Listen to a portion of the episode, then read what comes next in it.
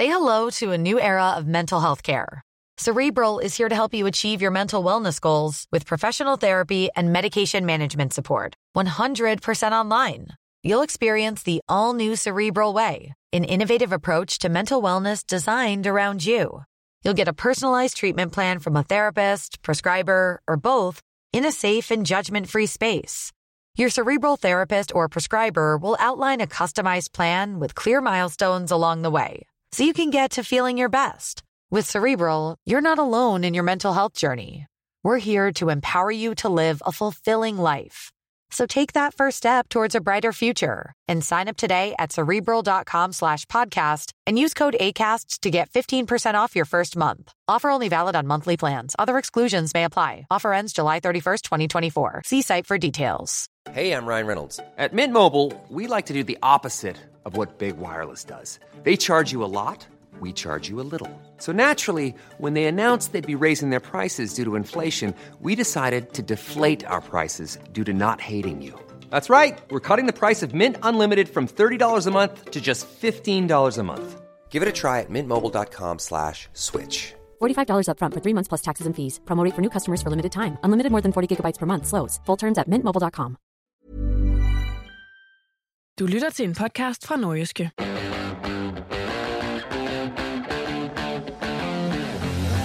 OB er igen på sidstepladsen i Superligaen, men det er faktisk ikke helt så skidt, som det lyder. For det ene point, som de hentede i fredags mod FC Midtjylland, fik dem faktisk et lille skridt tættere på redning.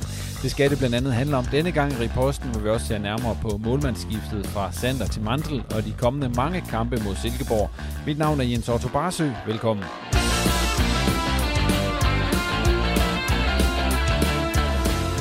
Og medvirkende denne gang er Thomas Jasper, der er sportsjournalist hos det nordiske mediehus, og Mads Justesen, der er tidligere professionel fodboldspiller. Og så kigger Simon Ydelsen, der er sportsjournalist hos det nordiske mediehus, også forbi i løbet af udsendelsen. Ja, så skal jeg også lige sige, at vi, som vi plejer, i slutningen af udsendelsen lige skal en tur forbi de to nordjyske første divisionshold.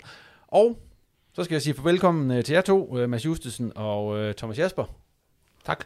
Tak. Velkommen, som sagt. Og øh, Mads, vi kan lige runde dig allerførst. Øh, du har været med for ikke så længe siden, hvor vi hørte om, hvad du gik og lavede nu. Mm. Får du stadigvæk tid med det job, du har, hvor du går og arbejder med biogasanlæg? Så får du stadigvæk tid til at komme forbi øh, DS Arena i Hobro og se ja. noget fodbold? ja, det gør jeg. Ja. Det gør jeg i høj grad. Uh, jeg ser alle kampe, og uh, følger også uh, rigtig meget med. Det kan jeg simpelthen ikke uh, lade være med. Det, uh, det vil jeg altid gøre. Og det har været noget sjovere at komme der her i foråret, end det var i efteråret. Det kan vi roligt sige. Vi begynder at lave nogle mål, så vi jubler lidt mere og klapper, og det er noget sjovt, sjovt at fodbold, hvis vi, hvis vi klapper. Og Thomas, jeg går ud fra, at du er sådan i semi-godt humør, for du holder med Inter. Jamen, de har åbenbart valgt, at det kun er de europæiske kampe, der betyder noget i år. Ja. Det tror jeg så kan blive et problem næste år, hvis man ikke øh, vinder Champions League. Øh, så kommer der til at mange sådan en, en del 100 millioner der, så, så det tror jeg er lidt en udfordring. Jeg tror, de skal tage i gang med også at, at finde den der top 4 placering frem. Men det er længe siden, at det har været så godt i Europa. Ja, men det er jo det. Det er jo en eller anden fuldstændig skizofren sæson. Altså, altså forretningen er skruet op til, at man skal i Champions League hver år, og, og, og som jeg siger, så, så lyder det jo til, at man nærmest skal sælge halve holdet, hvis man ikke kommer i Champions League næste år. Øh, så, så det tror jeg, at man fra den økonomiske del er, er meget ked af. Men, men sportsligt er, er Champions League, en Champions League semifinal, som det jo ser ud til at blive nu, jo ikke noget, man ikke har præsteret i mange år. Så det er jo, en, som jeg siger, en meget skizofren sæson at, at være viden til. Og så skal vi ikke snakke mere om Inter den her gang. Det er jo klogt.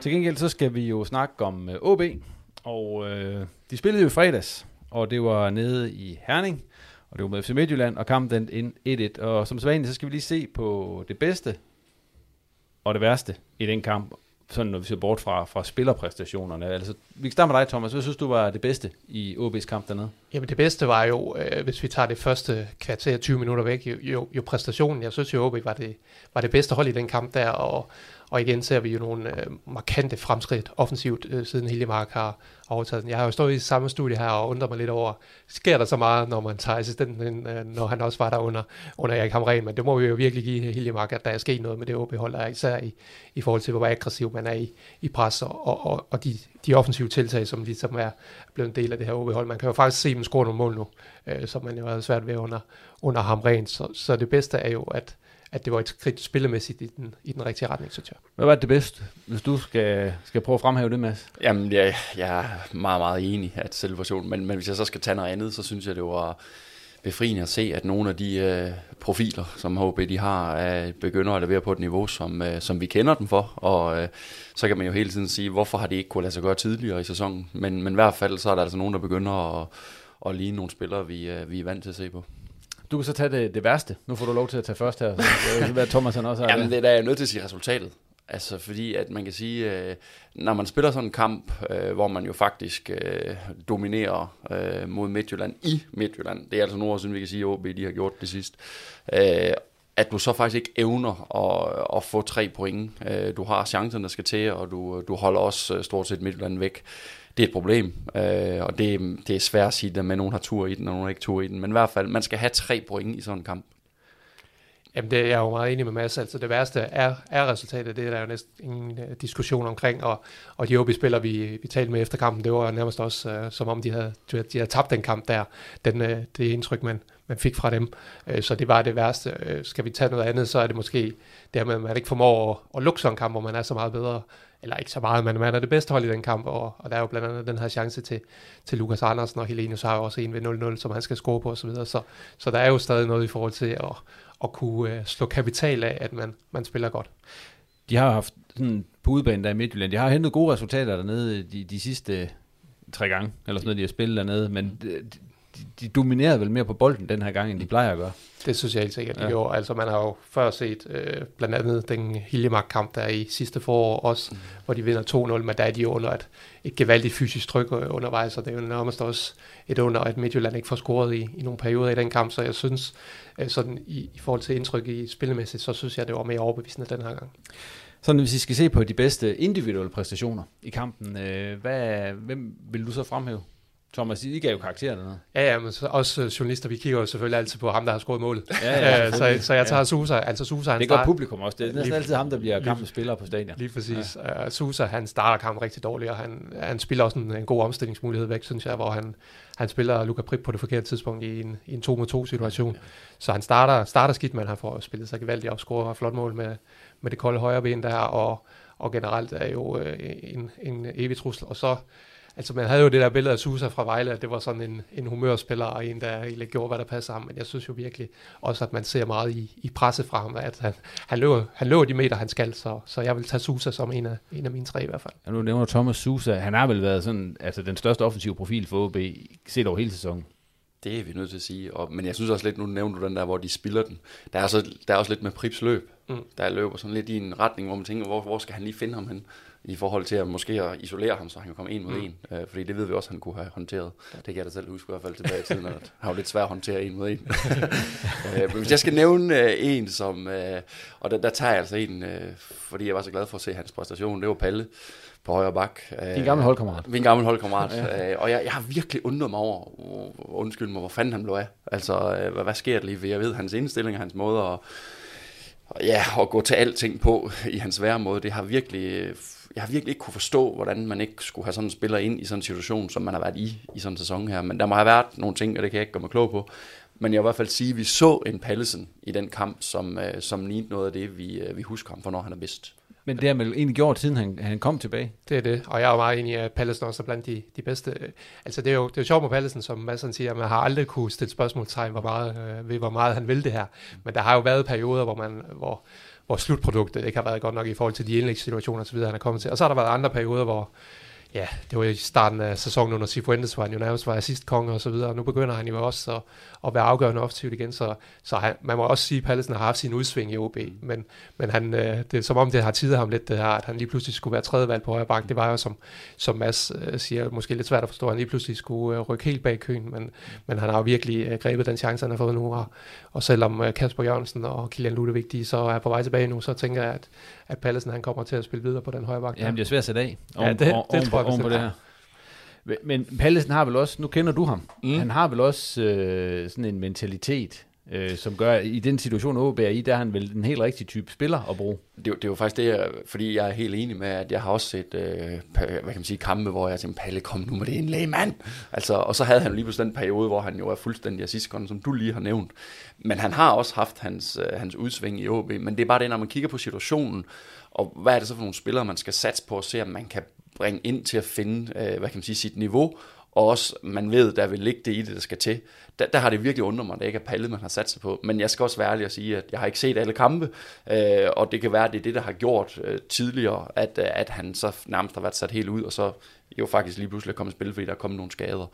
Men jeg tror, han bliver svært at sætte alle i de næste kampe, fordi nu, øh, nu har han fået smag for det, og øh, så skal han nok komme til at piske op og ned den højre side der. Hvor langt er de andre egentlig fra at kunne øh, komme ind og så presse Palle, så at sige?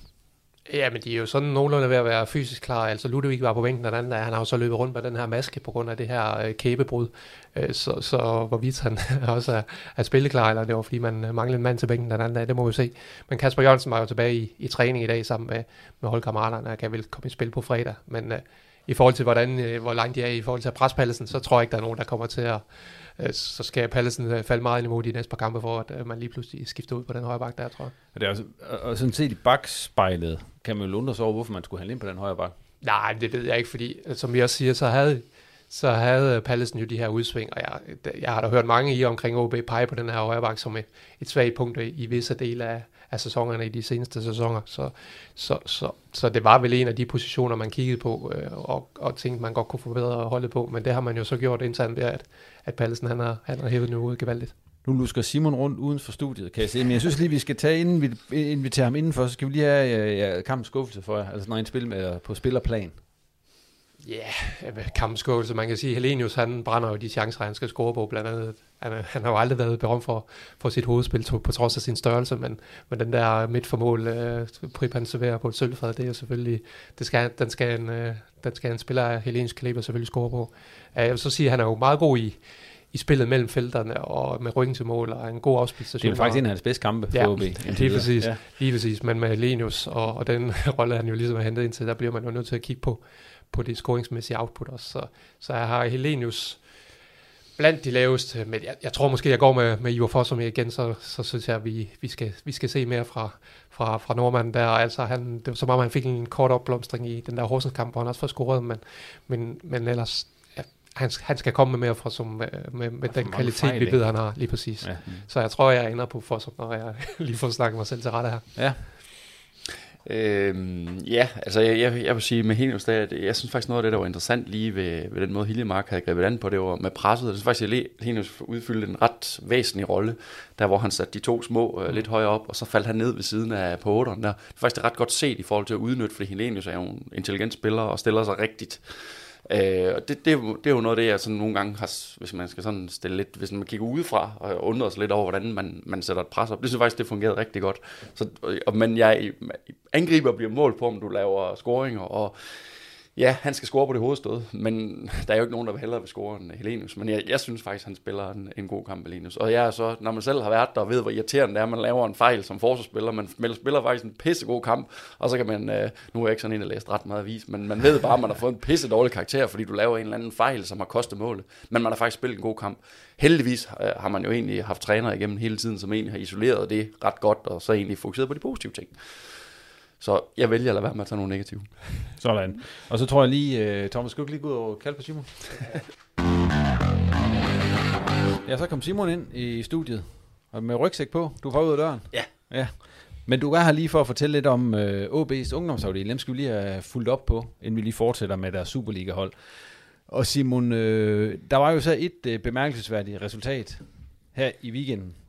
Ja, hvis vi går helt ned, så er der faktisk tre. Men, uh, men ja, Ja. Øhm, altså U19-holdet vandt 3-2 over Brøndby. Og det er jo en af de store. Det er længe siden, de har taget en skalp, sådan rigtig en af dem. Ja, altså jeg, jeg, jeg har jo snakket, jeg snakker jo løbende med Lars, uh, Lars Nord, der, der er deres U19-træner. Han, han har sådan tidligere i sæsonen adresseret, at de manglede lidt at få en sejr over et af de her såkaldte tophold, og det fik de jo så mod Brøndby nu her.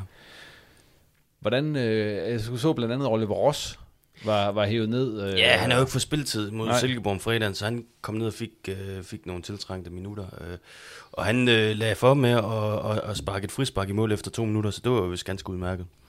Øh, og ellers, altså med til historien om den der sejr, høres også, at Brøndby var vist, så vidt jeg kunne forstå, klart bedst. Jeg så ikke selv kampen, skal jeg lige skulle mig sige, men, men de var klart bedst, indtil de fik et rødt kort, og så øh, skulle OB ligesom finde sig selv, og det lykkedes så efter et, et længere tilløb, og så fik man vendt kampen til sidst til, til egen fordel. Det er til tid siden, vi snakker om, så hvad er status ellers på OB's ungdomsafdeling i øjeblikket? Fordi det har jo ikke set alt for godt ud. Jamen, det, det gør det sådan set stadigvæk heller ikke. Altså det, U17 det, og U19. Det, det, det er ikke prangende. Uh, U15 gør det egentlig ret godt, men løb så ind i det her nederlag til Brøndby i weekenden, der ligesom definerer lidt, at de skal ikke spille med om medaljer. Uh, hvis de har vundet den kamp, så kunne vi begynde at snakke om, om de skulle være med helt i toppen. Men altså, de er et rigtig godt subtophold uh, på den her overgang, og det er nogle uh, spændende spillere, og det er jo det vigtigste. Uh, sådan i, i det lidt længere perspektiv, at der er nogen, der, der bonger ud som store talenter, og det er der på den overgang der. Alle dem, der blev hentet ind før den her sæson, altså hvordan, hvordan går det projekt? Jamen, det er jo, det er jo en blandet pusbolcher. Altså, vi kan jo se, at øh, Bertram Skovgaard på U17, som var det mest profilerede navn, de hentede for B93, han øh, er så småt begyndt at score mål i U17-ligaen, og han har også haft en, en indkøringsfase med lidt skade og sådan noget, men, men det begynder at se fornuftigt ud med ham. Så, så altså, det er nok den mest positive historie, og så, så kan vi jo så se, at der er nogle af de andre U19-spillerne, der træner med Superligaen sådan fra tid til anden. Øh, men det er nok tvivlsomt, om de kommer til at spille Superliga i OB. Sådan ellers status på, øh, på U17-holdet. Også. Altså, hvad, hvad, hvad er udsigterne sådan for resten, for det, der venter i her i foråret? Jamen, altså, de, de siger selv, at de har løftet sig. Det kan vi også godt se på resultaterne, og så spillemæssigt, at de er tæt på at få point mod et, hold som Brøndby, der måske har det bedste U17-hold i Danmark. Jamen, det, det, det, det er absolut fremgang for dem, men, men der er jo stadigvæk lang vej til at sige, at det her det er OB-værdigt i forhold til niveauet på, på det U17-hold. Du har snakket med Nils Lavets derude. Head of football. Ja, jeg mødte ham lige til OB's træning nu her, ja. og, og han kom med en meget, meget vigtig pointe. Øh, han siger så til mig, at øh, jamen altså, øh, det var en klar fremgang for ham at se, at OB mod Brøndby var i stand til at, at matche Brøndby i alle tre kampe, og egentlig kunne være skuffet over, men kun fik tre point. Øh, det var ikke måske den, altså, jeg kan huske Kim Let for et år siden sagde, at jamen, vi, øh, vi mødte bare en Ferrari, og vi er måske selv en Fiat 500 eller et eller andet, ikke også? Så, så, så, det er jo fremgang i forhold til, at man nu er tættere på, på at kunne bide skære med de bedste. Ved du hvad, Simon, tak fordi du lige havde tid til at kigge forbi. Så vi har givet os en update på OB's øh, ungdomshold. Ja, så er Simon ud af døren igen, og Thomas, du er tilbage ved mikrofonen. Det skal lige lidt op igen. Vi kører lige lidt op igen. ja. det er fordi, øh, det er nærmest det højeste panel, jeg har haft ja, til at deltage ja, ja. sådan sammenlagt der. Nå, vi skal videre med... Det kunne jeg altså midterforsvaret for Hobro i gamle dage, men nu og Justis, så har det været rigtig godt. Vi har snakket lidt om Pallesen, vi har set lidt på OBFC Midtjylland. Øh, noget andet, som er bemærkelsesværdigt ved den kamp, det var jo, at øh, OB valgte at skifte på mållandsposten. Øh, Theo Sander, som jo havde fået masser af omtale efter, ja blandt andet efter kampen mod OB, hvor han jo lavede strafspark. Han var skiftet ud med den tyske målmand Nico Mantel, og så fik din forudsigelse langt om længe. jeg sagde det jo, han kom til at stå i foråret. Ja, så ramte din forudsigelse der, Thomas. Du havde sagt, at han blev førstevalgt, og ja. det er han så nu. Men hvad, ja. hvad, hvad, synes I egentlig om det skifte? At, at Hiljemark, han laver det. Er det okay? Eller er det sådan lidt... Øh... Ah, mm, hvad skal man sige? De har tabt fodboldkampe, øh, mange fodboldkampe, og det sætter sig også som spiller. Øh, jeg har sgu ondt af, af Sand, det, det kan jeg lige så godt sige. Øh, at det, yes, hvis man kigger lige isoleret på kampen i fredags, hvor han får chancen. Hvis vi sådan lige kigger på uh, Theus, hvad kan man sige, uheld, der har været i nogle kampe. Den, der er en situation efter, hvor lang tid er gået, da han taber en, er det et hjørnspark eller en frispark? 10-5 minutter. Ja, 10-5 minutter. Hvor man bare sådan føler, hvor jeg kan huske, jeg sidder, jeg sidder og tænker i sofaen, har det været uh, Theus, så, så, han, så han kraftigt været uheldig her. Så er der stået ind ved siden af og, og hakket den der i kassen. Der kan man bare sige, der, der har han turen med sig.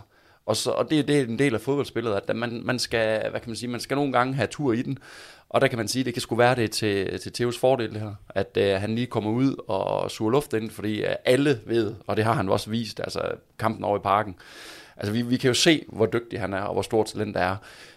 Uh, men man frygter jo bare sådan lidt, at, uh, at, det, at det kan sætte sig i sådan en dreng. Uh, og han, nu hørte jeg jeres program med ham, han virker virkelig som en, en mega sød ung fyr, som... Uh, ja, som man bare ønsker for succes jo, øh, som også er jo øh, her, øh, så vidt jeg forstår, så er han jo op fra, hvor var en lille by op nordfra, ikke? Var ikke sådan? Ja, hvis ud fra... Øh... Oh, det er noget Støvring Skørping. Ja, Støvring, ja. Jeg kan ikke huske, hvor... Men det er i hvert fald, han kommer jo fra, hvad kan man sige, tæt på, og det, ja. det er jo godt for os alle, at der kommer nogen op og, og kommer ind på det, så Jamen, man er jo nødt til at sige, at, øh, at han, stil, han står jo sådan set en fin kamp. Han laver den der, og så har han jo altså nogle, øh, et par fine redninger, og, og ja, han kommer også til at stå næste gang. Det er jeg slet ikke tvivl om. Er du enig i det, Thomas? Ja, jeg tror egentlig, det var fint nok, man, man tog det valg her. Som Mads siger, så, så kan man jo ikke jo nærmest undgå at have lidt ondt af, af Theo øh, i forhold til, til de fejl, han har lavet, og, og den alder, han har, og det pres, der er på, på ham nu. Man ved jo godt, at nogle gange så er det nemmere lige at lave en fejl som højre bak. Det er ikke altid, det bliver straffet på samme måde, som hvis, hvis man står derinde. Øh, og det var jo aldrig meningen, at Theo Sander han skulle være første målmand i den her sæson. Det sagde OB jo allerede før den her sæson. Man har så været for dårlig til at,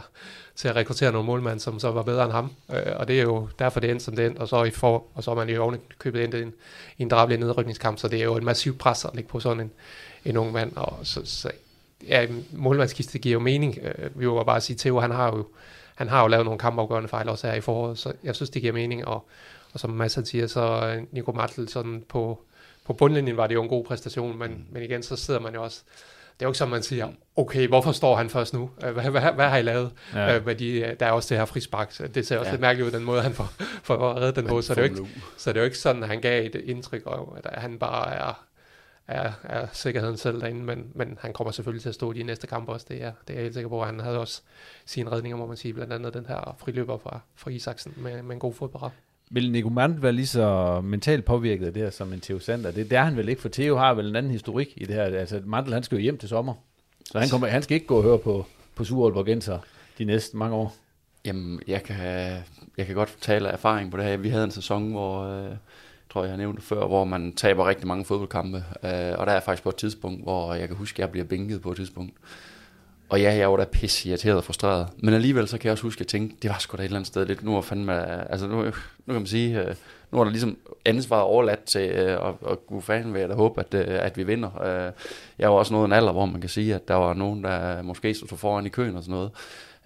Men, men, men jeg vil sige, det kan faktisk måske godt lige give ham et, et rygstød. Nu, nu får han lige fri til at at der kommer den her tyngde hver evig eneste uge, øh, hvor at man bare ved, og, og han er, er han ikke stadig kun 17? Han er lige fyldt, fyldt, 18, 18 januar. Nå, han fyldt 18 januar, ja.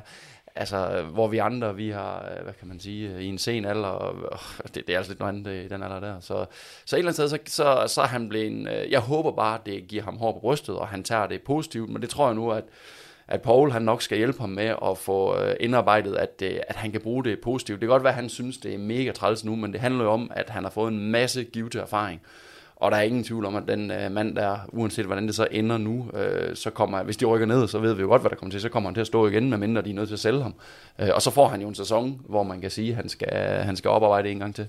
Det, det spændende bliver jo, øh, hvordan man håndterer de her pokalkampe. Altså dem ja. øh, var jo Vandel jo ligesom udsat til at se, om man nu mm. gemmer, gemmer Theo helt væk fra, fra resten af den sæson, og, og så starter på en frisk næste år, eller han får de her pokalkampe, og måske også en finale og så videre. Ja. Det kunne også være en måde at rejse på. Det får vi jo svar på allerede om halvanden uge. Det er præcis.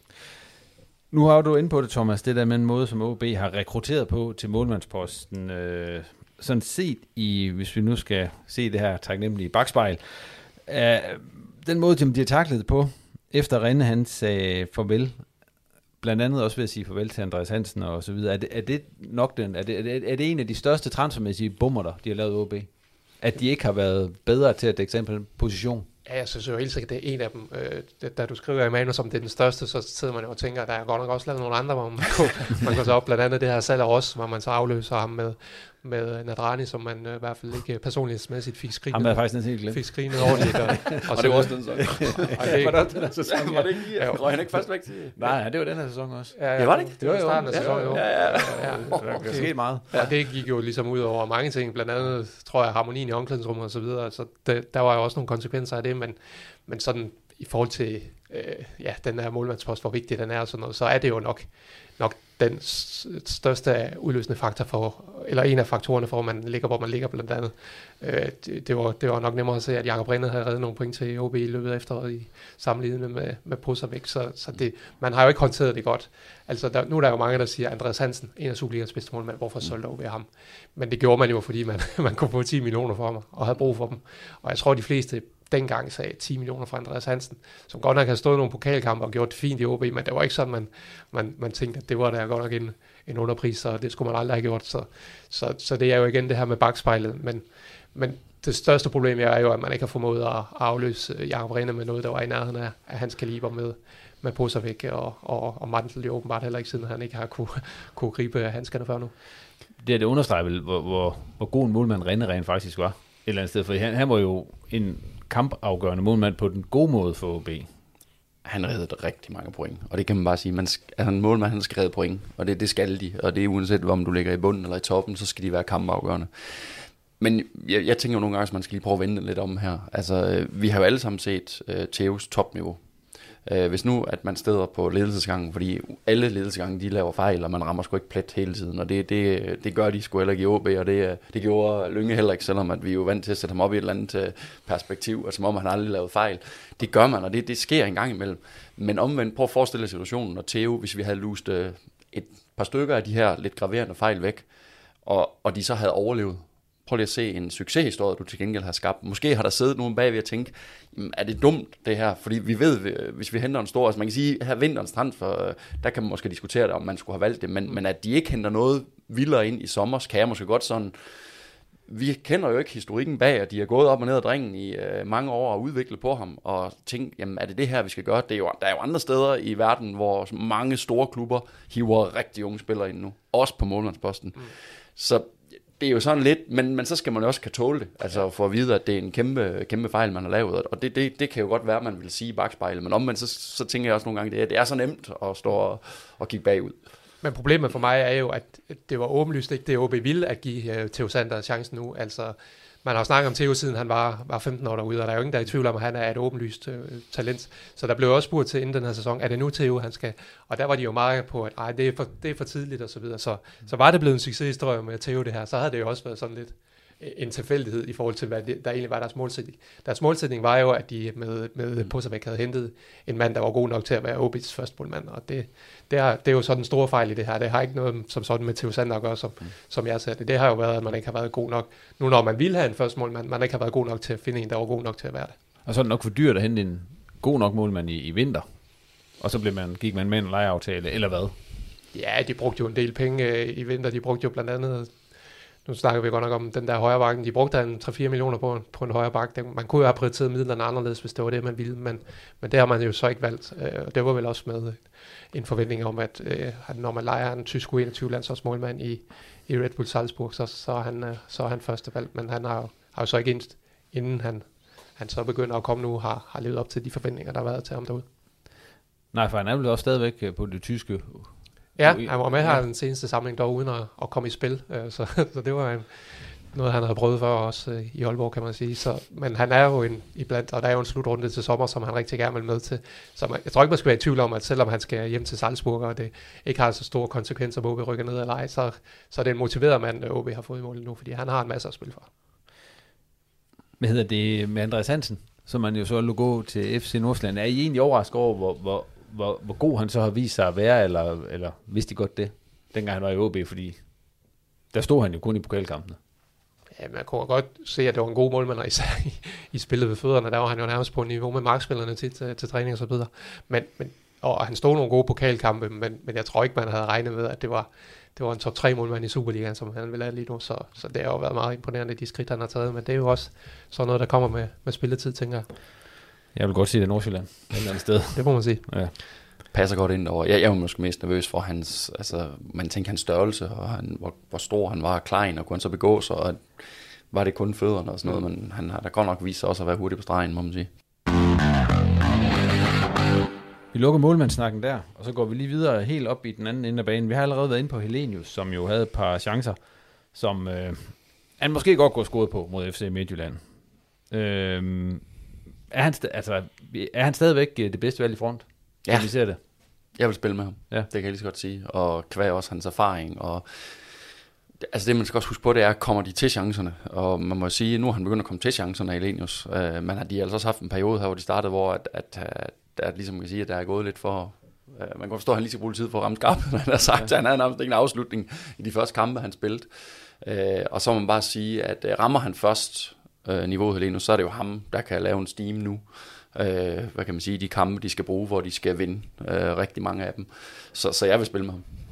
Jeg er enig, øh, som jeg også snakkede om før, selv uden mål, målene, så, så giver han jo så meget til, til OB's spil, og, og som Mads også er inde på, hvis, hvis OB de skal ramme det her to point i snit, eller hvad man skal ramme i resten af sæsonen for at, for at redde sig, så skal man jo have Helenus til at fungere, og jeg vil sige, de to andre angriber er, er et godt stykke fra, fra det topniveau, som Helenus han kan præsentere. Ja, den ene af Mementa, han er jo helt ud i kulden. Kan det overraske lidt, at hans, han, hans rolle, fordi han var jo sådan, han har indimellem været inde og fået Ja, og, ja, sådan, og, og nu er det sådan helt væk igen. Ja, ja vi har talt ham også lidt op i opstarten, hvor man så nogle gode kampe og tænkte, ja. kan han føre det der over, men vi må også bare sige, når han har fået chancen i Superliga-kampe, så, så har han jo ikke kunne føre det over, han har vist. Øh, han har jo godt nok været tæt på nogle, nogle scoringer, der var i Randers, mod Randers i den sidste grundspilskamp, hvor han den bliver reddet på stregen og så videre. Så han har jo været tæt på, men jeg synes jo, det overordnede indtryk, når vi har set det, mens han i Superliga-kamp, det er jo, at han ikke ikke rigtig har niveauet, på trods af de her specielle spidskompetencer, som han har. Så, så jeg kan jo godt forstå, at, at han er nummer tre i, i det her hierarki. Så lader vi det ligge der. Og så går vi lige videre, fordi at øh, vi skal lige se på træneren Hiljemark. For OB, de har spillet fire kampe med ham nu, og øh, status er, at de har vundet en. De spillede en uafgjort, og så har de tabt to, og den ene det var så i pokal turnering mod Viborg, hvor der er jo lidt specielle omstændigheder omkring den kamp, fordi OB jo faktisk gik øh, videre, selvom de tabte. Men hvad synes I egentlig, det det, der er det vigtigste, som, som nu, nu har vi sådan lidt større bedømmelsesgrundlag at se på, altså hvad er det vigtigste, han er kommet med? Udtrykket. Det vil jeg sige. Ja. Uh, udtrykket, det som uh, man kan sige... Uh, Øh, og så synes jeg også, der er en, øh, det er jo ikke, at jeg kommer ind, øh, tak, der var også en plan, øh, men jeg synes bare, det udtryk med, at de vil angribe kampen, det, det er på en eller anden måde, det jeg bider mærke i, altså, det er som om han har fået ind, at de tør godt altså på en eller anden måde, at angribe efter og skal vinde fodboldkampe. Det synes jeg, det var lidt det der udfordring før, det var som om, at øh, at håndtræng, hånd, undskyld, håndbremsen var på en eller anden måde var lidt, lidt, lidt trukken, og det, det, det kommer det tit, det er den der passivitet, det, sådan føler man lidt, hvorfor vil de gøre det? er jo ikke noget med, de ikke vil det, men det han, det han på en eller anden måde evnet at få ind i dem, og få, få givet dem noget, noget tro på sig selv, og det, det, det synes jeg er den største forandring. Jeg er meget enig, jeg, jeg sad jo lidt med den tanke den anden dag efter kampen mod Midtjylland om, om det er for sent, det her OB har fået reageret, fordi jeg synes virkelig, en, en, en flot forhandling, uh, Hillemark har formået på de her få uger. Vi står jo i det her studie og snakker om, hvad, hvad, hvad hjælper det at sætte assistenten, som i forvejen har været der, og han må da have plantet sine idéer også i den periode, men, men det er åbenlyst, at han har haft nogle idéer, som så ikke er kommet igennem hos Andrén, synes jeg, fordi det er jo uh, markant forandret udtryk, det her OB-hold har, og det, det er jo, som jeg siger, også mere til mange af spillernes styrker, man spiller til nu. Mm. Uh, så jeg, jeg synes, det har været ganske lovende, og jeg vil da ikke udelukke, at at øh, hvis det fortsætter, vi har den her dårlige halvleg mod OB, som selvfølgelig trækker ned, men hvis det fortsætter med de her de her takter, så kan vi jo heller ikke afvise, at uh, Hiljemark han får det her job permanent. Men, men det er jo så Hiljemark, altså det er jo fejlskud Hiljemark, den der halvleg mod OB, ja. altså at han går ud, uh, never change to winning teams, siger man jo, det, det gjorde han så. Ja, jeg, jeg må så lige ærligt til stå, den har jeg kun set højdepunkten på kampen der, og, men det undrer mig helt vildt over, at, at han faktisk havde ændret, det var det, jeg så, at han havde ændret positionen, Det, det, det gad jeg ikke se nogle forklaringer på det, om han har været ude med at give nogle forklaringer på det. Men det kan man virkelig, når man så har fundet noget, der, der er udtryk i, og når man får et resultat, så er jeg bare, jeg tænker, er det så fordi, det er en meget, meget ung træner, og nu har han en eller anden idé, og at det er lige den her måde taktisk vinder den her kamp. Der er bare nogle gange... Det er jo lidt det, han sagde faktisk. Var det det, han sagde? Ja, ja. Der, der er bare nogle gange, at der, der, der skulle måske lige have øh, en eller anden erfaren gut, der har siddet, at, at, det kommer lidt bedre med, at du har et udtryk på et hold, der fungerer nu, og tro nu på det frem for din lille justering. Men igen, det er altid nemt at stå og sige noget udenfor. Han har jo haft tiltroen til, at det var det, der skulle lykkes for ham. Men der gik de vel også over, Thomas, og så ville spille, nu hopper vi lige helt tilbage til OB-kampen, men der, der gik de vel over og ville spille på de andres uh, gameplan, i stedet for at tro på deres egen et eller andet sted. Ja, altså, de der indretter de så efter OB. Ja, de vil jo i hvert fald uh, udnytte OB's, uh, eller ja, udnytte OB's svagheder, men også uh, dem op for nogle af deres styrker. Så, så det var jo selvfølgelig også, fordi han, jeg tror, han har kigget meget fra kamp til kamp, og det er jo nok, som Mads siger, som, som unge træner, så, så lige twister den der, så kører det sgu i dag, og så kan vi lige lave det der i næste kamp, og vi møder en anden modstander. Så der er det måske bedre med det der berømte ord kontinuitet. Ja, men det, du har haft mange lidt mere rutinerede træner også i din karriere. Det, det gjorde de vel ikke på samme måde? Altså, Øh, nej, i hvert fald nogle af dem. Øh, jeg har haft en god blanding, vil jeg sige. Ja, okay. Øh, altså, ja, Jonas Dahl. Og... Ja, Jonas Dahl var okay. sådan en, jeg godt kunne finde på. Og, ja. Han kom jo som forholdsvis ung. Øh, Jakob Mikkelsen havde vi jo som helt ung. Ja. Han var jo... Øh, ham, han kunne på. Jo. Ja, hvad siger du? Mini Mourinho var Ja, Mini Mourinho, jamen han kunne jo ændre... Jamen for satan, vi kunne næsten ikke nå at have en træning uden at skulle ændre sig eller andet taktisk. Men, men Jakob var jo dygtig øh, på sin taktiske måde. Men det er jo så øh, måske også lidt det, som du siger med Hiljemark. Han lige ser for en idé. Ja, og, og, Altså, jeg, jeg, jeg kan faktisk nævne et eksempel også, som er ret godt, hvor øh, jeg prøvede at blive udraderet i Aalborg. Øh, vi vinder hjemme i en kamp, hvor vi har skiftet træner. Det var så faktisk Lars Brormann, der blev træner, efter vi fyrede Jonas. Så vinder vi hjemme over AGF i den første kamp. Så har Lars en eller anden idé om, at vi skal op og spille 3-5-2 i Aalborg, fordi det var lige den måde, vi kunne, øh, vi kunne håndtere dem på. Og der har vi lige haft total succes i en øh, 4-5-1, 4-4-2, eller noget vi kalder den. Øh. Og, så, og vi ender med at tabe 6-1 heroppe. Og, og det, det er jo bare sådan, hvorfor kan man jo godt stå og sige bagefter. Det er jo ikke, fordi vi ikke troede på, hvad han sagde, og vi kunne sagtens se ideen i, vi ville skabe noget rum. Og jeg sidder bare lidt og forestiller mig lidt det samme her, at, øh, at nogle gange, du ved, så tænker man bare på sine egne idéer. De, det er det her, der virker mod det hold, fordi jeg har gennemanalyseret det hold her, det er der rummen er. Men der er bare nogle mekanismer i et fodboldhold, man skal huske på. Og når man så har fået en sejr på et hold, der ikke har vundet ret meget, så skal man dyrke sejren. Og så skal man dyrke de indbyrdes elementer, som er kommet og opstået og fået en succesoplevelse. I mine øjne. Man kan sige, det var jo også en travl uge, men det var jo så pudsigt, at man prioriterede det sådan, at for eksempel Højholdt, han spiller hele, eller ikke hele, han blev skiftet ud efter en time, men han startede i hvert fald ind i pokalkamp i Viborg, og så spiller han lige pludselig ikke der om mandag. Så hvis man, øh, man skulle have roteret, så skulle man jo nok have prioriteret øh, Superliga-kampen, hvis det er det, han har tænkt. Men, men det var i hvert fald ikke det, han meldte ud. Det var jo ikke fordi, at han ville spare folk. Det var jo fordi, han, som du siger, havde set noget i forhold til OB, som, som de kunne udnytte, men de spiller de sendt på banen. Og det her det er jo så en god glidende overgang til, til det næste, jeg vil spørge om. Det er nemlig, nu møder de jo Silkeborg på, på fredag. Tror I, han holder fast i det samme, som han havde med nede i Midtjylland, for, hvor de jo ikke, trods alt ikke vandt, men jo havde en, jeg vil godt kalde det en sådan halv succesoplevelse i hvert fald, for de spillede, rent spilmæssigt var det jo, som I har sagt, øh, en, en opløftende OB-indsats. Men mindre der er karantæne. Ja, der er karantæne til talenter, så der kan man sige, der er jo i hvert fald Ja, okay. en. Jamen, så flytter han vel Granli ind. Ja, hvad med Arlemann? Hvor er vi ham hen? Ja, han gik ud af træningen i dag faktisk, men uh, han siger, at han er klar på fredag, så, så jeg går Jamen, også så ud fra, som er Mads det siger, Alman, at hvis- det bliver Granli centralt, og så Alman på, på venstre bank. Og så spiller han med det samme. Det tror jeg også. Det tror jeg også. Hvad forventer ellers til de her Silkeborg-kampe? Fordi at man kan sige, tidligere har OB jo haft det meget, meget svært mod Silkeborg. I hvert fald de sidste mange gange, de har mødt dem. Men det er jo ikke Silkeborg-hold i helt samme forfatning, som de møder den her gang, som de øvrige gang. Nu jeg lige ved slå papirerne på. Det jeg Altså, hvis man skal møde Silkeborg, kan man sige, så er nok nu. Ja. Uh, hvor man kan sige, at mødte dem for noget tid siden, så var de jo virkelig, virkelig svære at have med at gøre. Uh, specielt dernede. Så, så hvis man skal sige, at man skal have en god sandsynlighed for at tage tre point mod Silkeborg i forhold til de seneste år, så er det da lige nu, man skal ramme dem. Så jeg tror da, de er positive. Det tror jeg også. Altså, vi kan jo alle sammen, eller nogen af os i hvert fald, huske den der kamp i, i starten af sæsonen, hvor de øh, bliver kørt rundt øh, nede på det der kunstgræs. Men det var også et Silkeborg-hold med, ja, i hvert fald med Wallis. Jeg, kan huske, jeg tror også, Rasmus Carstensen er med i den kamp, og der er jo sket en del med det. Helenius var på Silkeborgs hold også der jo. Så, så der er jo sket en del med det Silkeborg-hold, og de har jo slet ikke leveret, øh, hvad er det?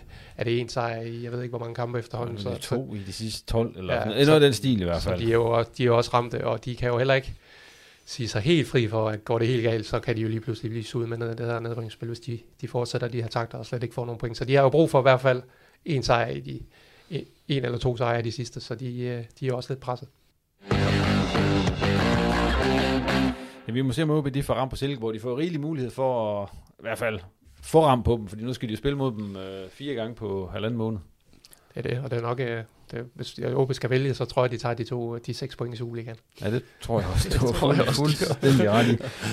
Som jeg sagde i indledningen af programmet, så øh, OB, øh, selvom de fik et point ned i FC Midtjylland, så er de jo tilbage på sidstepladsen i Superligaen. Øhm, og det er så ikke helt så skidt, som det måske lyder, fordi det, øh, grunden til, at de er på sidstepladsen, det var, at Lyngby vandt over Horsens, så OB kom faktisk tættere på Horsens, som ligger over stregen. Øh, nu har vi jo det her nedrykningsbarometer for, for OB. Altså med det, der er sket, øh, jeg tror bare, vi skal tage det med procenter. Hvad, hvad, hvad, fordi jeg tror sidste uge, der var det 80-20 eller sådan noget. Altså er de blevet bedre, de odds for OB, efter det, der er sket her? Det, det er jo svært at blive, ikke at blive fanget af de her øjebliksbilleder hele tiden. Altså for 14 dage siden, efter den der sejr i Horsens, så kunne man jo være optimistisk. Så kommer der en OB-kamp, hvor, hvor Horsens også vinder dagen efter, så er man jo helt, så er helt sikker på, at OB rykker ned, og nu er vi måske igen ved at bevæge os lidt op. Men altså, jeg ved godt, at Horsens vinder i Silkeborg, så så jeg dem så også spille i går i Lyngby, og så, så er det altså, jeg tænker, at det er altså et hold OB, de godt kan hente øh, syv point på i de, i de sidste syv kampe her. Øh, så ja, hvad er vi på? 20 procent?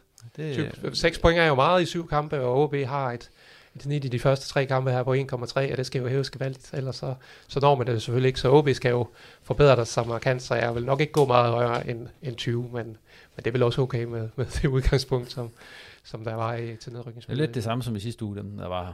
Ja, måske. 20-80. Hvad, hvad er du på, Jamen, Mads? Så- jamen, jeg er jo Svend, altså, et eller andet sted, så tror jeg, at OB, de skal virkelig håbe på, at, øh, at der bliver kamp om syvendepladsen også. Altså, der må ikke blive nogen gratis kampe for Horsens. Der skal være sådan, at øh, OB og... Ja, så enten så skal Silkeborg med ned og, og ikke se sig fri, og det vil sige, at OB skal slå øh, dem næste gang, de skal også tabe kampen efter.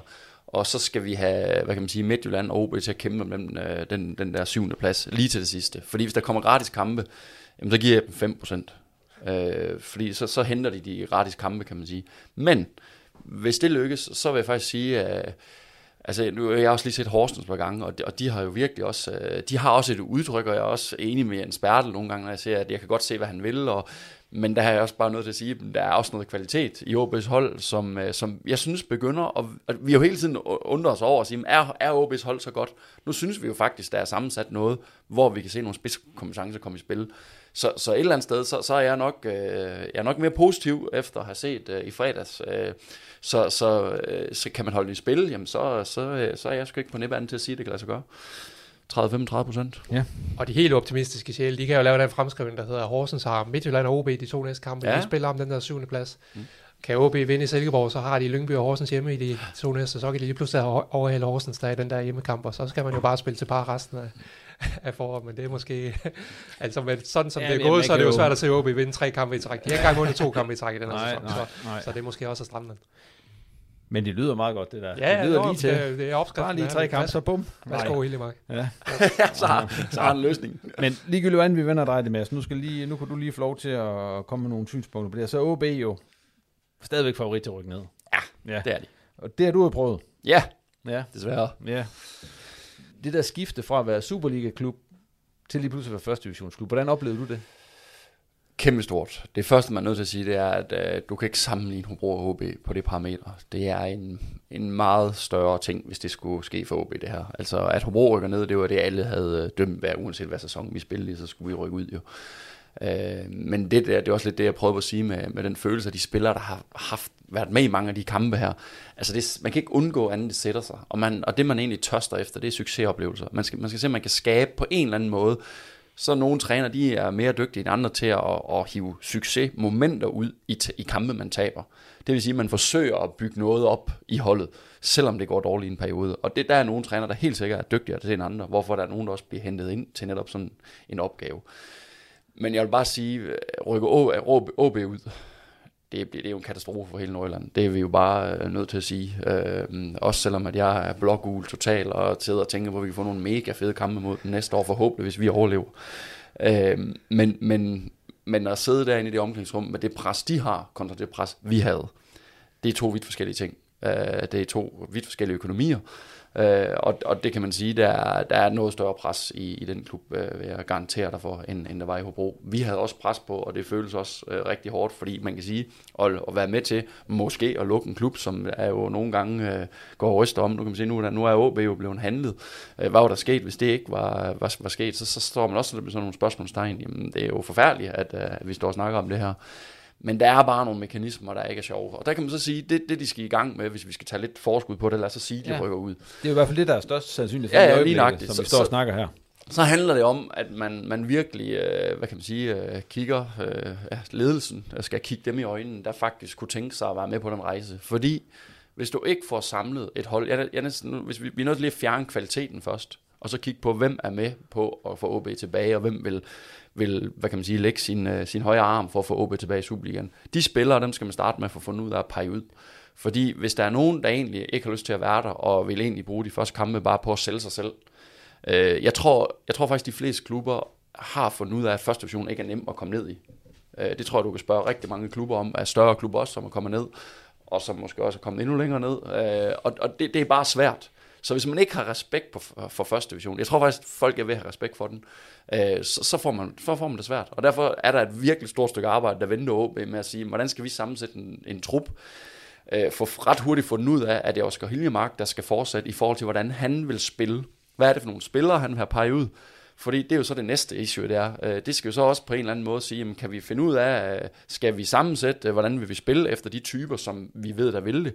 Eller skal han have lov til at sammensætte en trup, øh, hvor man kan sige, at man siger farvel til, øh, man kan også være, man er nødt til at sige farvel til, til, en, til en del spillere. Der er bare nogle ting, der, der bliver et virkelig, virkelig stort stykke arbejde, der skal, der skal gøres, og det er... Øh, øh, ja, der, der bliver nogle svære samtaler også, fordi der er nogle spillere, hvor man kan sige, som... Øh, jamen, som også får svært ved at komme videre, og som næsten, næsten ikke kan se sig selv i første division. Og det er lige netop det, der bliver OB's akilleshæl, fordi hvis der er for mange af den type spillere, der ikke kan se sig selv spille i første division, så bliver det bare svært at komme op.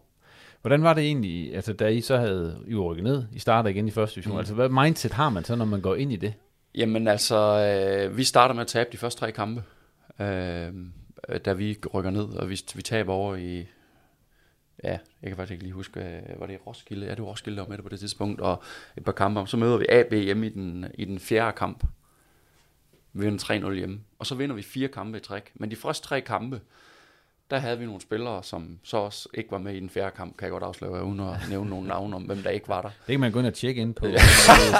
ja, øh, men så, så, og så der, der kan man sige, vi havde der på det der, der har vi jo Ove som træner. Ja. Og hvis du har jo øh, P som træner, så har du en klar strategi, og du, øh, han har valgt, hvilke spillere, hvad kan man sige, øh, som, som han gerne vil, øh, vil satse på i måden, vi skal vinde fodboldkampe på. Og det, det var egentlig rimelig strømlignet. Det man kan sige, der bare er svært, det er, at, at går du imod det, og Øh, og alle ikke er enige, det, det var jo sådan lidt specielt, fordi oh, han blev fyret ned i vores, hvor vi ligger nummer et efter halvt år, da vi rykker op der. Det, det tror jeg sgu ikke, det er sket ret mange steder, at, at, et hold, der ligger nummer et, hvor han så rykker. Men, men der kan man sige, der, øh, jeg ved ikke, om vi lavede en fejl, eller hvad kan man sige, klubben lavede en fejl på det tidspunkt, og havde Ove, vi havde for mange ting med i bagagen fra, fra hvad kan man sige, da vi rykker ud. Og det er jo det, man kan sige med Hiljemark nu.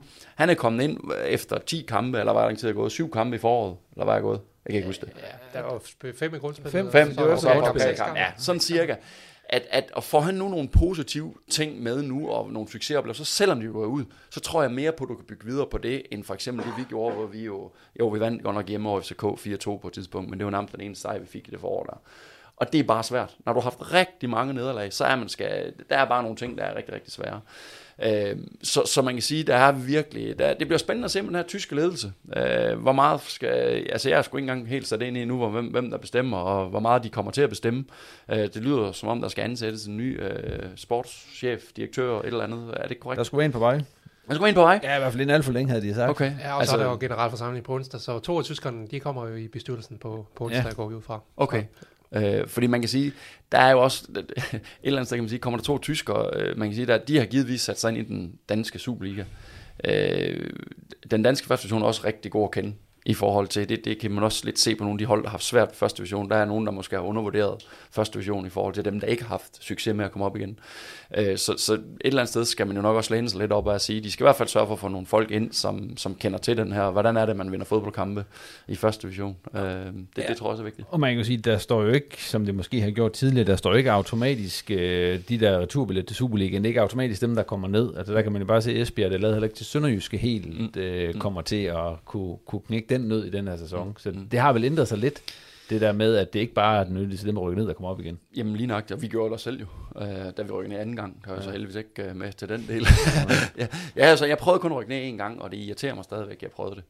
Ja. Øh, fordi det men omvendt så er det fandme, og det giver noget livserfaring, og det giver øh, faktisk rigtig meget som mennesker også. Og det er også derfor, jeg siger det her med de spillere her, hvis de for, kan vende det til noget positivt, så er det faktisk noget, de måske, hvis de, hvis de kan acceptere sig selv i et år i første division, jeg kan huske tilbage, øh, nu ved jeg ikke, om, det bliver for langt tilbage, men Esbjerg var nede sidste gang.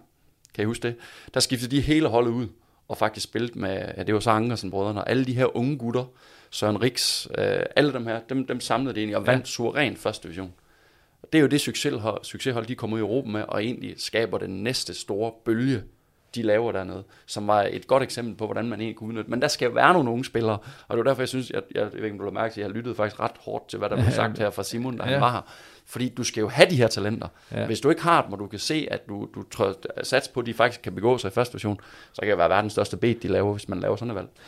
Men det er vel også blevet en anden første division nu. Altså, der skal vel, øh, en dengang de, Esbjerg lavede det nummer der, mm. altså, der vil komme øh, Altså, kvaliteten er jo stedet i første ja, division. det er den da. Ja. Altså, det er, øh, det, det er helt sikkert, den er, og specielt også på bredden af første division.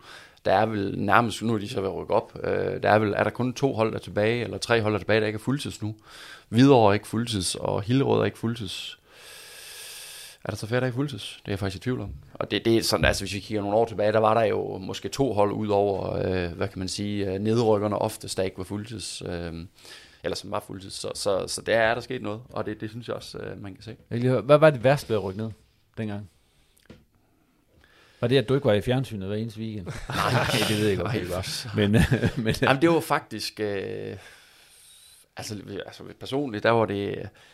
Jamen, jeg var så irriteret over, øh, nærmest sådan flov over at den sæson, vi præsterede, fordi vi har lige haft en sæson, hvor at man kan sige, så er nogen, der vil faktisk vil sige, at vi overpræsterede den sæson. Men det synes jeg faktisk ikke, vi gjorde i den sæson foregående. Jeg synes faktisk, vi, var, vi, vi fik fortjent den plads, vi havde det år, når man kiggede på de kompetencer, der var sat sammen på det hold.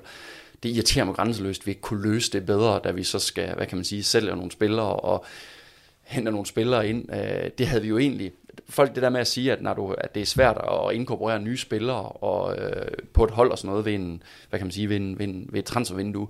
Prøv at, vi har haft en klub, hvor vi skiftede 5, 6, 7 mand øh, hver i eneste år, i, øh, også da vi lå i anden division, første division og sådan noget, så det var jo ikke nyt for os at få nye spillere ind. Det, der var nyt for os, det var, at det var kulturen. Og det irriterer mig grænsen, hvis vi ikke kunne løse det. Altså, det, det, det, det var sgu sådan lidt, man var helt... Øh, ah, ja, at øh, det skulle med. Men øh, omvendt, så har vi også lært noget af det. Vi bliver nødt til at stoppe her, fordi ellers så går vi over tiden, Ja. og det skal vi helst ikke. Det skal helst ikke være meget længere end en time. Nej, det er super. Nej, så... Øh, men vi springer videre til noget andet, som du også har, har godt styr på. Nemlig øh, første division og Hobro IK, øh, som jo spillede uafgjort på udebane øh, 1-1 mod øh, Fremad Amager, var det ikke det? Det var det, det var det. Og, og det var Jakob Jørgenlund, der scorede et meget, meget fint mål i overtiden til 1-1, så men fik ligesom holdt afstand ned til dem, og 6 point ned til, til nedrykningen nu. Lige allerførst, den kamp derovre, var det, var det fair nok, at Hobro hentede et point derovre? Ja, det, det synes jeg altså. Dietzeren, han har også et par chancer, som han jo også scoret for, på for tidligere i, i foråret, inden uh, Tjørnlund så scorede til allersidst, og det var heller ikke fordi øh, uh, fra Marmar, de, de havde de chancer. Jeg ved, de vil, de vil gerne have et straffespark på et tidspunkt, uh, som de var lidt sure over, men jeg synes, det var et færre resultat. Det var en, det var en lige kamp, uh, og sådan en klassisk uh, kamp, hvor i hvert fald uh, man helst ikke skulle tabe den, synes jeg. Uh, den bare præg af, og det, det, det var der så heller ingen, der gjorde. Men du må jo, som vi også snakkede om i starten, øh, det var så var endnu et point, og endnu en kamp, hvor Hobro scorede. Altså det her forår, nu har du jo både set dem i efteråret og i foråret. Hvad, hvad ser du er den mest markante forskel på det Hobro-hold, der spiller nu, og som henter, har hentet masser af point, i forhold til i, til i efteråret? Men der er, åh, jeg synes faktisk, der er mange ting, øh, der er forskel. Altså, øh, hvis jeg skal nævne lige så hurtigt, så kan man sige, at vi har fået nogle spillere tilbage, som ikke øh, var øh, hvad kan man sige, klar i, øh, i efteråret, som bare har vist sig egentlig at have en større betydning for holdet, end, end man måske lige øh, går og regner med. Øh, og der, der nævner I vil starte med at sige, at Dieter ikke spiller ret meget, og ja, ham vil jeg også gerne nævne. Men, men Frederik Mortensen, øh, som er en af mine øh, favoritter i forhold til øh, presspil, og hvordan man øh, hvad kan, man sige, kan være med til at hive sine holdkammerater med. Øh, ham har vi skulle savnet, det er bare nødt til at sige efteråret der. Øh, det er jo ikke fordi, vi blev udraderet i efteråret på noget tidspunkt i de sidste 6-7 kampe. Vi vinder ikke, men vi holder jo 0. til at spille 0-0, Vi ja. spiller næsten 0-0. altså, så, så det er, hvis man sådan set kigger på den lange bane, så synes jeg, hvis vi kigger sæsonen tilbage igen, efteråret før, der, der vil jeg gerne sige højt, der synes jeg faktisk, vi, der sejler vi sgu lidt. Uh, vi, vi har ikke helt styr på strukturen, vi lukker rigtig mange mål ind, vi er alt for åben. Så synes jeg, det er forår uh, i den sæson, der, der får vi noget sat sammen. Vi mister desværre Mikkel MP og nogle af de her, der var rigtig ledende figurer på det hold, hvor vi får sat noget godt sammen. Og det var måske også lidt det, der var med til at gøre, at, at efteråret blev lidt mere udfordrende. Der skulle man lige have fundet ud af, hvordan skal vi så spille, når vi mister nogle, øh, hvad kan man sige, nogle figurer, som havde en, en, en stor betydning. Øhm, og, og så kan man sige, så, øh, så manglede vi bare det her med, at der er nogen, der havde noget selvtid til at få scoret mål. Så starter vi foråret op igen, og øh, vi får Dietzerne i, i gear, og vi får nogle, øh, man kan sige, vi har spillet meget med de, de samme spillere, det er kun lige en enkelt eller to, der har været skiftet ud på. Det betyder bare noget med den kontinuitet der. Øh, så, så et eller andet sted, så synes jeg faktisk, grundelementet i holdet, den har skulle været på plads rigtig længe nu. Jeg synes, det, vi har haft god sammenhæng, vi har haft god struktur, og så kan man sige, det der så er lagt på i forhold til efteråret, det er helt klart de sidste elementer for at blive farlige. Og der, der er også nogen, der, der vokser, øh, og det vokser man også nogle gange, når du får selvtillid. Og det kan man også godt se på, på holdet. Hårup er kommet tilbage, øh, og, og han, lige da han kommer tilbage her nu, synes jeg faktisk ikke lige det sidste fra kampe, han har sprudlet, men, men da vi lige da han kommer tilbage her i, i, i foråret, der er han jo en fornøjelse, altså, og det er han jo også, det kommer han også til at blive igen. Men de andre vil jo også begynde at kigge på, hvem der præsterer for os. Så mange ting er gode. Nu øh, sagde jeg jo, at Hobro de er 6 point ned til nedrykning, og Mm. hvis, når vi snakker OB, så kan det jo øh, sagtens hente 6 og 7 point og sådan noget sidste kampe. Så Hobro er på ingen Ja, måde sikker ja, endnu, skal ja. vi lige sige. Men hvis de nu sikrer sig den her sæson, øh, endnu en sæson i første division, hvad, hvad peger så for dig i retning af, at næste sæson ikke bare bliver sådan, altså endnu en kamp for at, at skulle undgå igen division? Ja, øh, der, er, der, er, der er flere ting i det der, men jeg vil sige, en af de ting, der peger positivt, det er helt klart, at øh, det er jo faktisk ret ung hold nu. Altså, der, er- det, det er, ja, nu jeg ved ikke, om det er det næste yngste hold, eller sådan noget, tror jeg faktisk. Sådan lige sådan, jeg er ikke lige en, der tjekker statistikker og sådan noget. Øh, men øh, de unge spillere, som har fået kontinuerlig øh, spilletid, øh, de er vokset gennem sæsonen. Nu har de fået en hel sæson mere på banen. Øh, det vil sige, at der kan man godt have nogle forventninger til, at de kan tage endnu et step nu. De har fået mere tryghed, de ved, hvad det drejer sig om. Øhm, og, og kan de så læne sig op stadigvæk af nogle af de her ledende figurer, som også har præsteret. Fordi det var også noget af det, der var galt før. Det var, at nogle af dem, som man kan sige, vi havde forventet, at vi skulle sætte vores tillid til, når der skulle tages ansvar, de præsterede heller ikke i den periode, hvor vi var lidt tilbage i tiden. Men de har, der er nogle af dem, der virkelig har steppet op, blandt andet Simon Jakobsen, som jeg synes virkelig har steppet op Øh, og hvor vi kan se, at vi er afhængige af hans spiltype. Øh, så så det, det, der er nogle ting, så hvis vi ser, det er det, det, det, der gør, at det kan se rigtig godt ud, men så har vi jo altid de her med de transfervinduer, og nogle har kontraktudløb, øh, og der kan man sige, kan vi så hen og stå i en situation, hvor at nogle af de her ledende, dem vi skal læne sig op af, ikke er til stede stadigvæk, så kan der godt være nogle issues, som, som jeg bliver lidt spændt på, men alt andet lige, vores unge spillere, Øh, Øh, og der er nogle af dem, der vokser. Jeg er helt vild med Freundlich. Øh, spændende, spændende spiller. Øh, han, han, det er ikke den sidste adresse, han er på. Og det er der flere af de andre unge, der også. Jamen, stort set alle de unge spillere, synes jeg. Der, der er ingen tvivl om, de, de går en fremtid møde, hvis de kan holde ja, snuden i sporet. Så er der nogle af dem, der er spændende, også for andre klubber. Du ved godt, Thomas, Hobro, de har jo, jeg ved ikke stadigvæk, om de har den målsætning, at de skulle være blandt de 18 bedste. Altså vi andre, vi kan jo godt stadigvæk være imponeret over, at de holder sig i første division.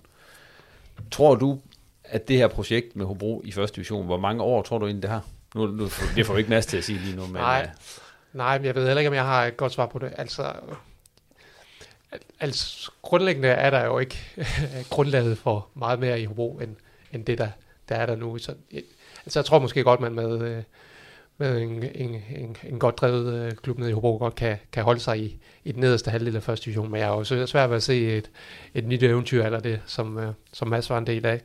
Og der er jo også den udfordring til, til sommer, at det kan godt være, at man får nogle, øh, nogle flere midler til rådighed og så videre, men det er godt nok også nogle spillere, man skal ud af erstatte. Jeg tænker, Dietzeren er jo væk, øh, øh, næsten 100% sikkert, og, og man ikke også håber, at han finder en større adresse at spille på nu, når hans kontrakt også udløber. Så det er også nogle, øh, nogle gode spillere, som øh, Mads Spor, han skal ud og, og finde erstatninger for. Vi håber på, at Hobro redder sig at de kan holde sig, holde afstanden ned til, til nedrykningspladser. Nogen, der så, øh, kan man godt sige, ikke rigtig har sådan frygtelig meget spil for, jo, det vil jeg altid sige, de har. Men øh, sådan, i hvert fald, de spiller ikke om at rykke op, og de kan heller ikke rykke ud. Det er Vendsyssel FF. Til gengæld så kunne de så fremvise øh, et øh, ret stort underskud her i sidste uge. Jeg tror, det, det var på 8 millioner, cirka. Ja, der omkring i hvert fald. Ja. ja. Planen er jo så, at det skal... At Jakob Andersen, som er ejer, klubejer, han har jo sagt, at, øh, at han bliver ikke ved med at putte penge fra næste sæson, der skal det kunne hvile i sig selv. Tror vi, på, at det kan det, Vendsyssel FF, med det ambitionsniveau, der er der Altså først må vi jo sige, at Jakob Andersen tidligere i de her par forløb, han har haft op i Vendsyssel afbrudt af de her svejser, jo før har sagt, at øh, nu skal det også snart til at kunne, kunne lave forretning ud af at kunne stå på egne ben, men, men det har jo ikke forhindret Jakob Andersen i stadig at skrive checksene, når, når det viser sig ikke at være tilfældet. Så vi må jo se, hvor meget der er i den udmelding, men det er rigtigt, at der står i regnskabet fra næste sæson, så skal det give overskud.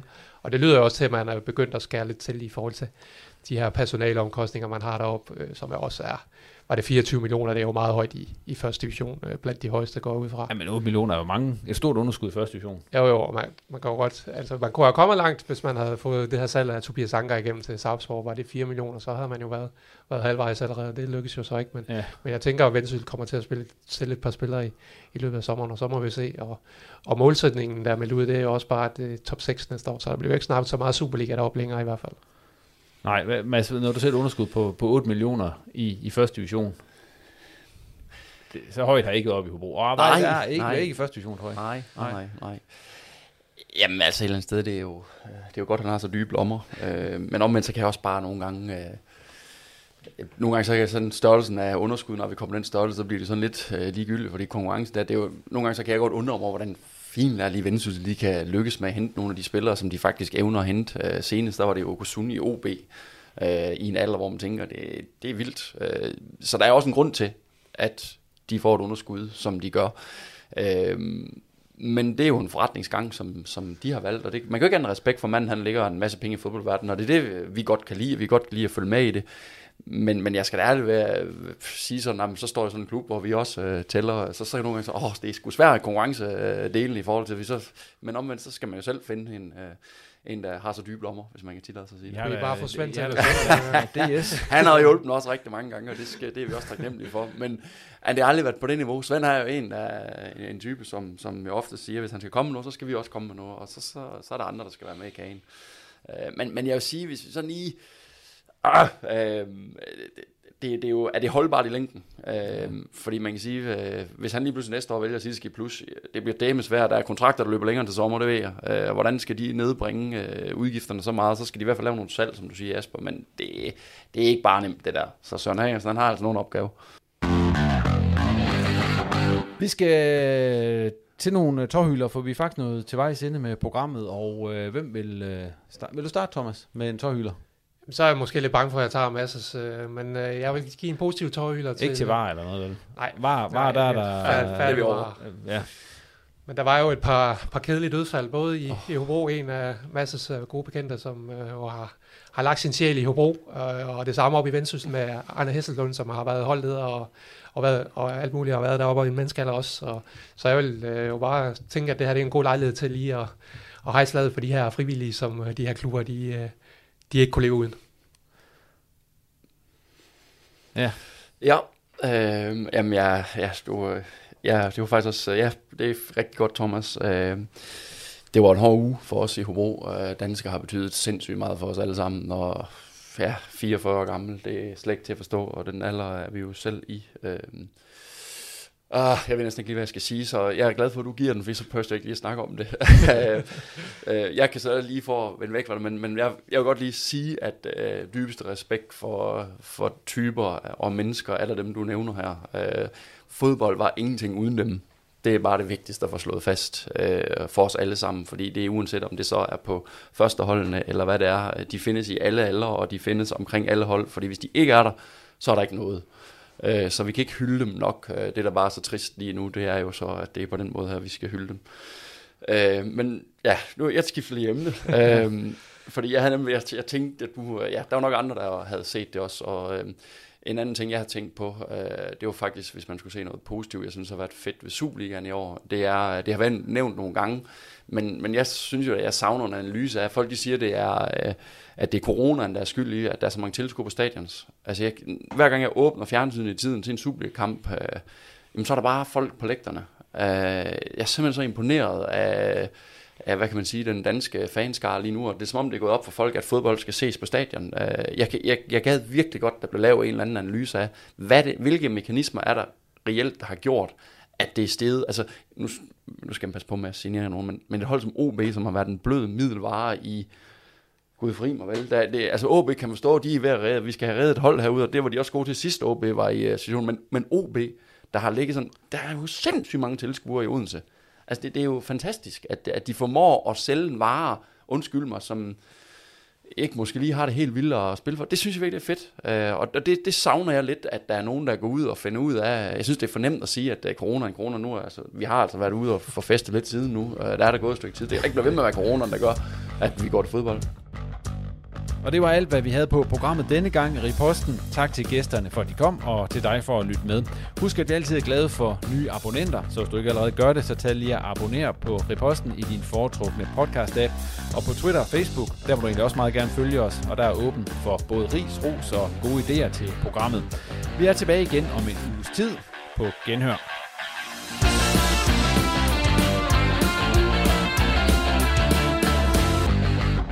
Du har lyttet til en podcast fra Norgeske.